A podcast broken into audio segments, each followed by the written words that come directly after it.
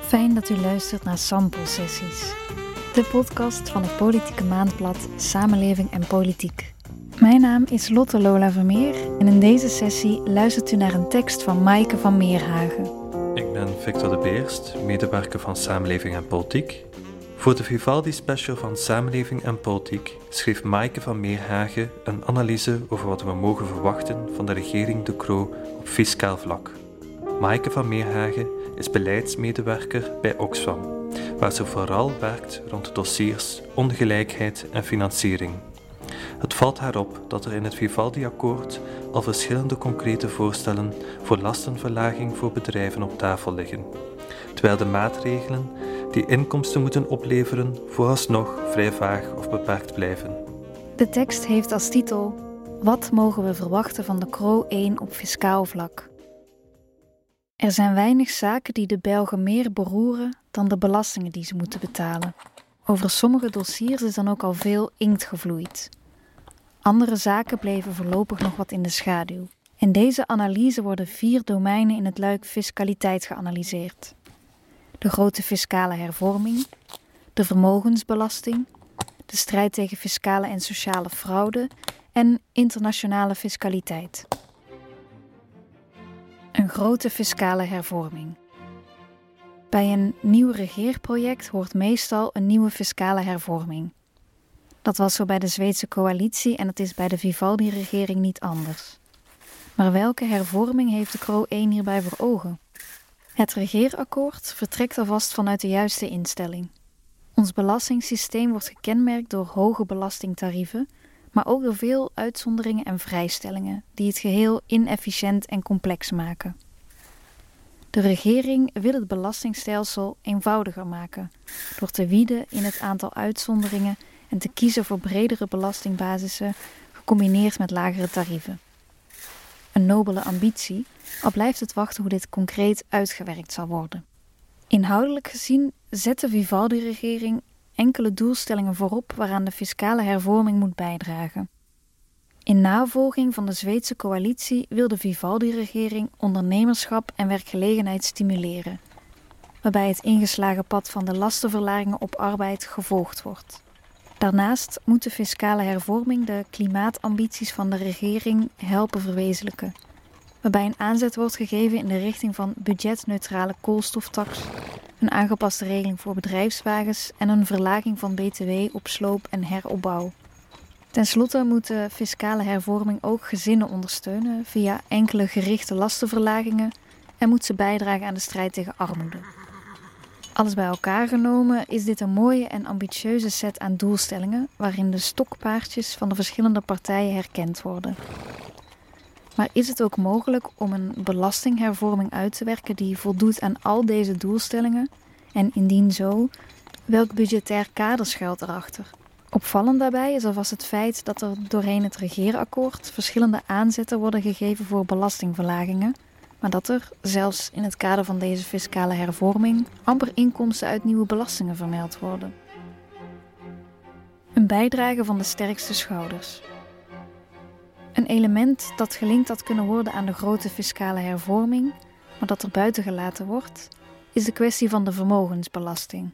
Enkele paragrafen later staat er echter de fameuze passage waarover al zoveel inkt is gevloeid en waarin de regering aangeeft te streven naar een eerlijke bijdrage van de personen die het grootste vermogen hebben om bij te dragen met respect voor ondernemerschap.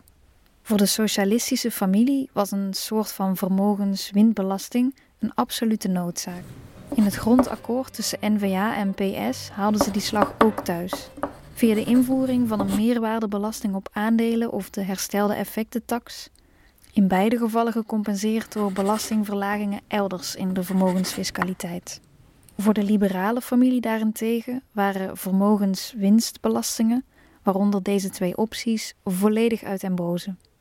In die moeilijke context moest gezocht worden naar een compromis dat voor beide partijen bespreekbaar was. Intussen wordt duidelijk hoe die oplossing eruit zal zien.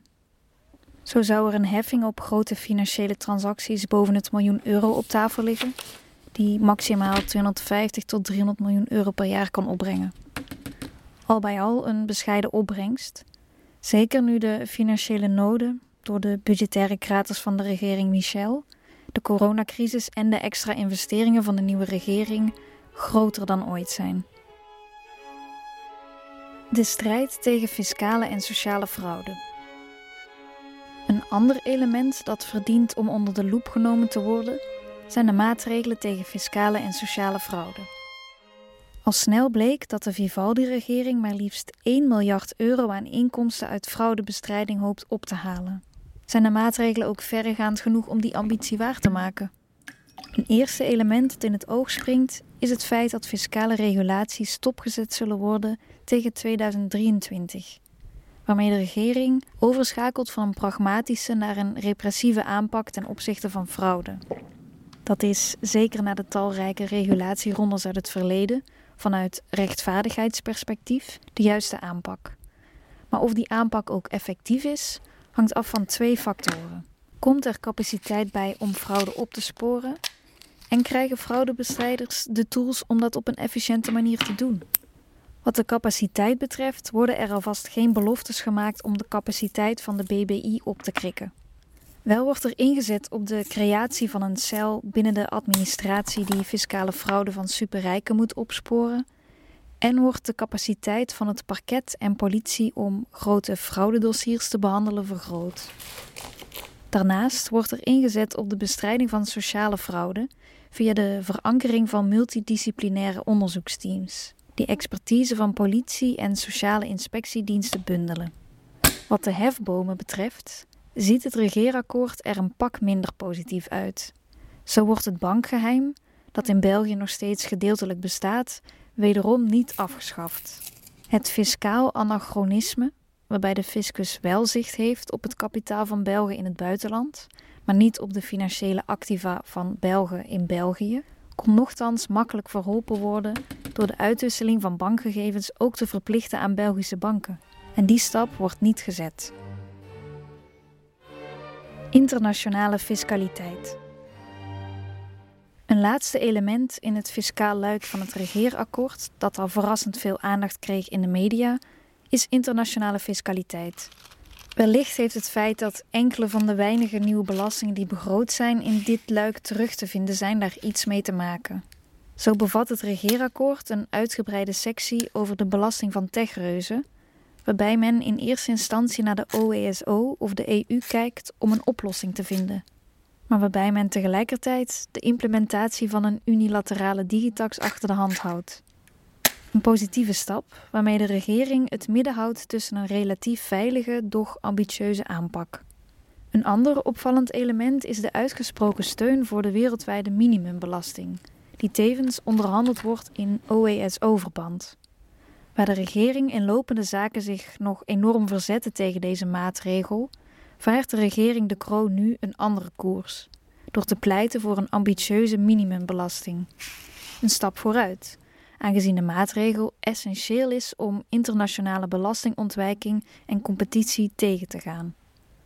De keuze voor deze maatregelen, samen met de steun voor Europese dossiers zoals de financiële transactietax, Europese fiscale harmonisatie en koolstofgrensheffing, maken dat België, zeker in vergelijking met het beleid van minister van Financiën Johan van Overtveld van de NVA een positieve omslag maakt in haar internationaal fiscaal beleid. Een beslissing die zeker toegejuicht mag worden, al mag de budgettaire impact van de maatregelen, die op 400 miljoen euro begroot wordt, ook niet overschat worden. Geen volledige trendbreuk.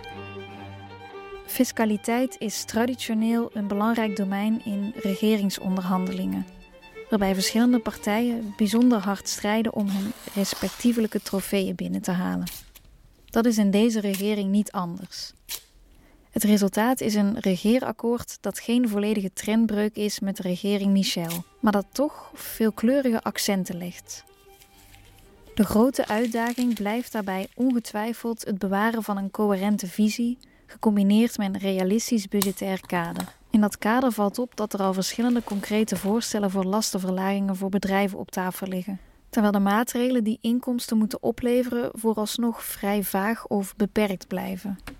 Zo zou een koolstoftax budgetair neutraal moeten zijn, levert de vermogensbelasting al bij al een bescheiden bedrag op en is het voorlopig onzeker of de geraamde inkomsten uit fiscale fraude behaald zullen worden.